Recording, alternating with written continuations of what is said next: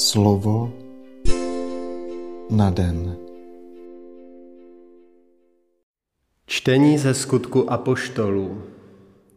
Apoštolové a bratři v Judsku se dověděli, že i pohané přijali Boží slovo. Když pak Petr přišel do Jeruzaléma, věřící obrácení ze židovství mu dělali výčitky a říkali – Vešel si k lidem neobřezaným a jedl si s nimi. Petr jim tedy začal po pořádku vykládat. Byl jsem ve městě Jope a modlil jsem se. Tu jsem ve vytržení spatřil vidění, něco se snášelo z nebe. Podobalo se to velikému prostěradlu, které je spuštěno za čtyři cípy a přišlo to až ke mně. Když jsem se na to důkladně podíval, spatřil jsem pozemské čtvernožce, zvěř, plazy a nebeské ptáky. Uslyšel jsem také, jak mi nějaký hlas říká. Vzhůru, Petře, zabíjej a jes. Já jsem odpověděl, ani za nic, pane. Ještě nikdy jsem nevzal do úst nic neposkvrněného nebo nečistého. Ale ten hlas z nebe promluvil po druhé. Co Bůh prohlásil za čisté, o tom neříkej, že je to poskvrněné. To se stalo třikrát. Pak hned to všechno bylo zase vyzdviženo do nebe.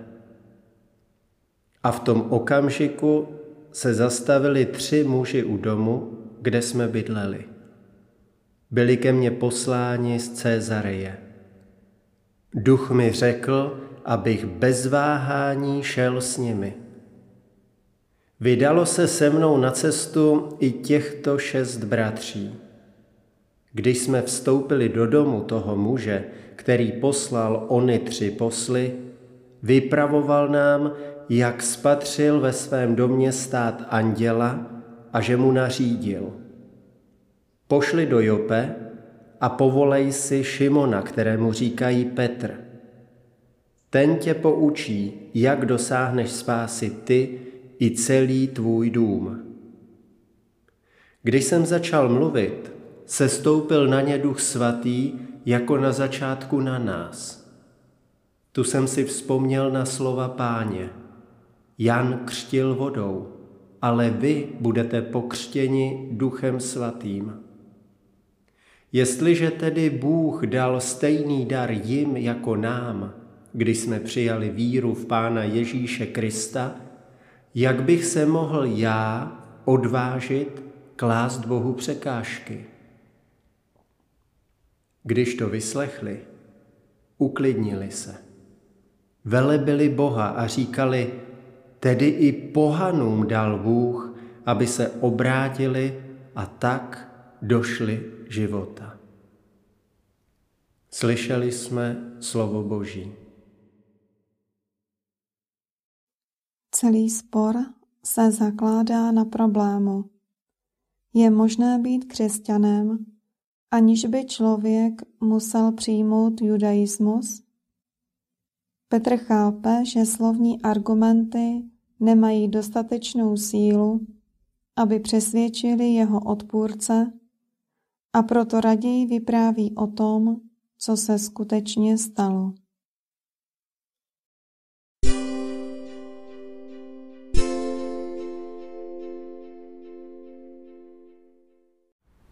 Slova svatého Evangelia podle Jana.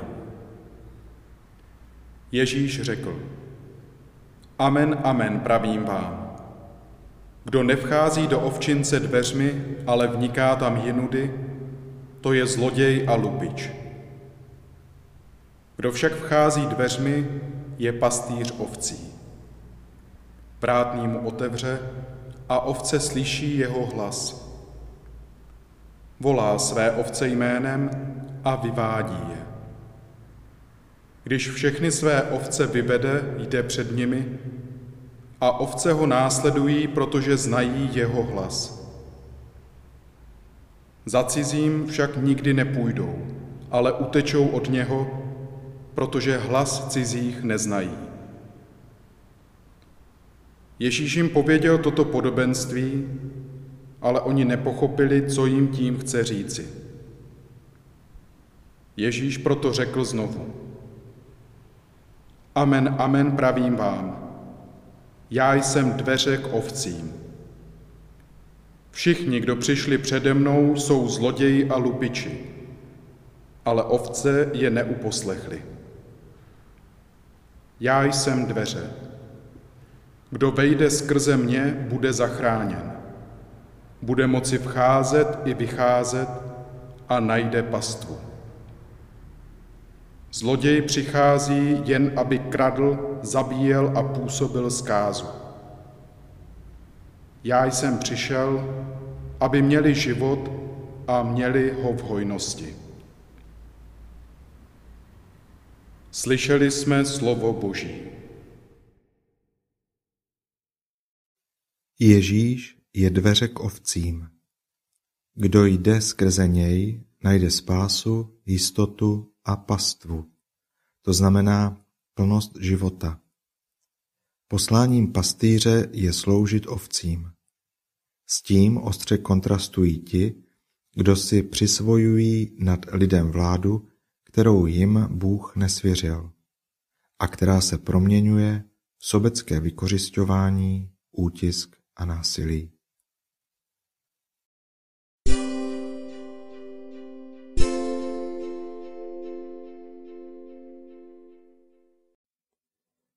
Pane, nezřídka patřím k těm, kdo netouží, aby si mi příliš mluvil do života. Odmítám-li však tvé vedení, nechávám se vést tímto světem. Opouštím-li tvé stádo, připojuji se k jinému stádu, které jde do neznáma a které ztratilo naději. Nechci-li se starat o to, co přijde zítra, a raději chci prožít dnešní den podle svých nereálných snů. Bloudím na neschůdných cestách.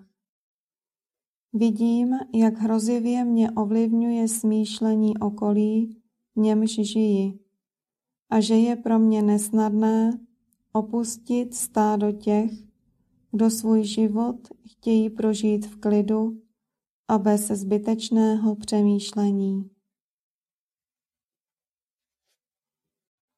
Osviť mě, pane, abych pochopil, že ty sám si světlo, průvodce i cesta.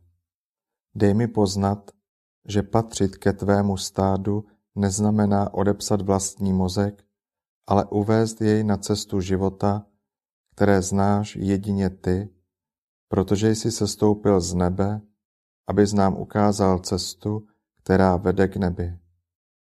Osvěcuj mé srdce především v pohodových dnech, kdy se nechávám oslňovat a přitahovat pozlátkem tohoto světa, abych se nestratil, ale nepřestal tě považovat za nejlepšího pastýře a svého bezpečného průvodce. Amen.